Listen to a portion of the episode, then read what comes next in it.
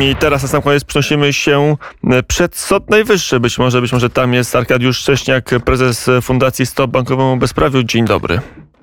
Dzień dobry, tak, jestem w Sądzie Najwyższym. Czekamy na konferencję prasową, która ma się odbyć o 18.15. Dlaczego pan jest w Sądzie Najwyższym? Czekamy na podjęcie uchwały, którą Sąd Najwyższy ma e, podjąć dzisiaj, być może będzie to przełożone na, na jutro to posiedzenie, w zakresie sześciu pytań, które dotyczą tak zwanych kredytów walutowych. I no, te pytania mają rozwiać kolejne wątpliwości, które się pojawiają głównie za przyczyną różnej interpretacji przez sądy polskie tych samych umów i tych, i tych samych wad prawnych, więc e, no, to by usunęło tą taką niepewność, jak takie wyroki powinny wyglądać. Mm, e, to jest wyrok ważny czy bardzo ważny dla Frankowiczów? E, myślę, że naj, największą wagę do tego przykładają banki. Tak? To trochę widać w narracji, która się dzieje w ostatnich dniach, bo tak naprawdę dla kredytobiorców przynajmniej pierwsze pięć pytań to oznacza mm, kwestie techniczne rozliczenia kredytu, a właściwie e, jego realizacji po tym, jak się stwierdza w umowie klauzule nieuczciwe, czyli już nie dyskutujemy o tym, czy umowy są w całości zgodne z prawem, czy nie. To już jest tak jakby w dużej części potwierdzono, że te umowy zawierają wady prawne. I teraz trzeba tylko ustalić, jakie będzie rozliczenie e, po stwierdzeniu takiej klauzuli w umowie i te wszystkie warianty, które są, no, zawsze się wiążą z odzyskaniem części nadpłat na tym kredycie dla konsumenta, więc przynajmniej w mojej ocenie każde z tych wyjść jest e, dosyć korzystne i pytanie tylko, które będzie mm, bardziej preferowane przez Sąd Najwyższy, no to myślę, że już bardziej zależy od aspektów prawnych. Mm, e, dzisiaj było nawet nerwowo w Sądzie Najwyższym, bo za pomocą poczty elektronicznej doszła informacja o tym, że w budynku jest bomba i mm, posiedzenie zostało wstrzymane. Nie wiem, czy to ma związek, to nie ma związek, ale na pewno e, są tacy ludzie, którzy bardzo tym wyrokiem są zaniepokojeni, czy tym orzeczeniem mogą być zaniepokojeni. E, tak, no byliśmy dosyć zdziwieni taką postawą, bo też byliśmy o godzinie 10 przed budynkiem Sądu Najwyższego.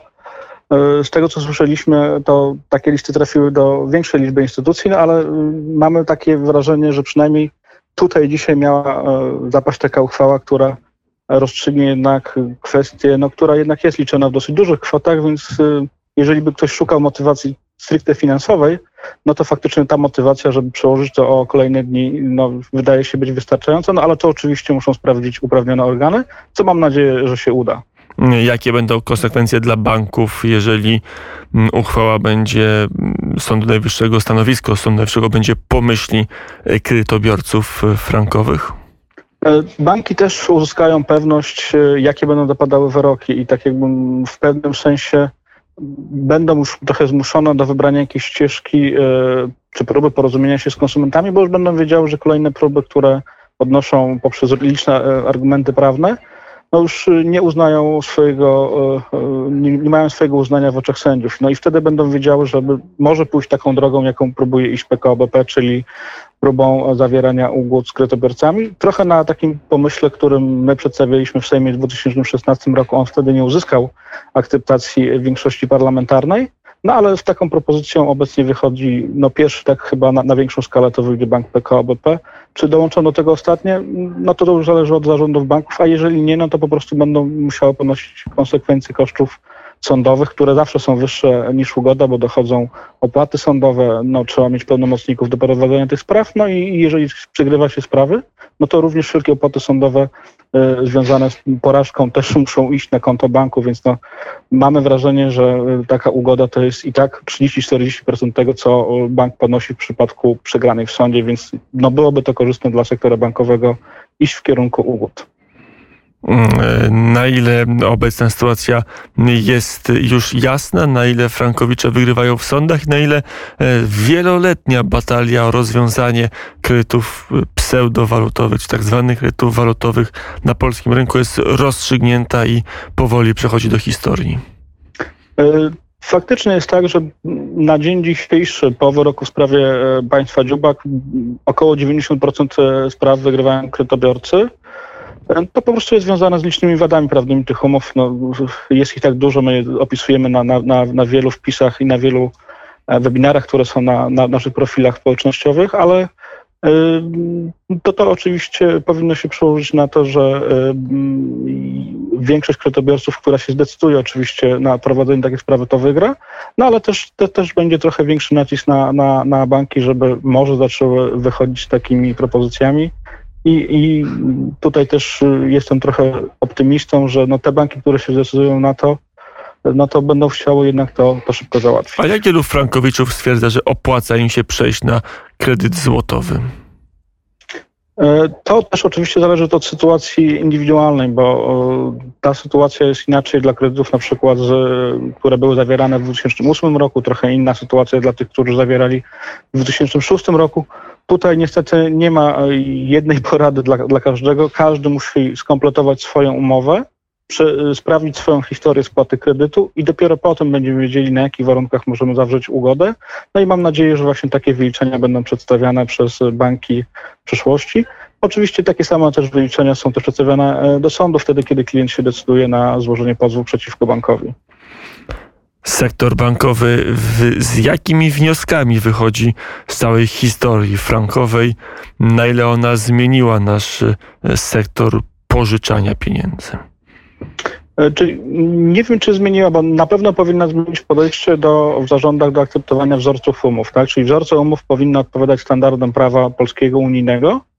To jest bezwzględnie coś, co się powinno zmienić w zarządach banków. Ale nadzieję, powinno się, czy się, czy się zmieniło? Czy y, uznajemy, że sądy obecnie w przytłaczającej większości uznają, że te umowy były wadliwe i zachodzi istotne podejrzenie, że, że banki świadomie wprowadzały w błąd swoich klientów. Nie wiem, czy dobrze powiedziałem, pan potwierdzi, czy ja przesadziłem?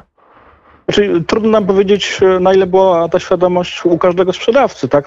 Bez wątpienia gdzieś na poziomie zarządów czy osób e, dokonujących analizy takiego produktu, który wprowadza do oferty swojego banku, no to po prostu musiała być analiza i tutaj też są liczne dokumenty, również publicznie dostępne, gdzie wskazuje się na liczne ryzyka, to które jeżeli... są po stronie banków, po stronie kredytobiorców i również niebezpieczne w pewnym sensie dla systemu. samego państwa. I dla tak. systemu bankowego, samym dla państwa. To skoro tak wiemy, to czy to się zmieniło? Czy po tej, po tej batalii polski sektor bankowy jest bardziej przejrzysty mm, no i bardziej uczciwy.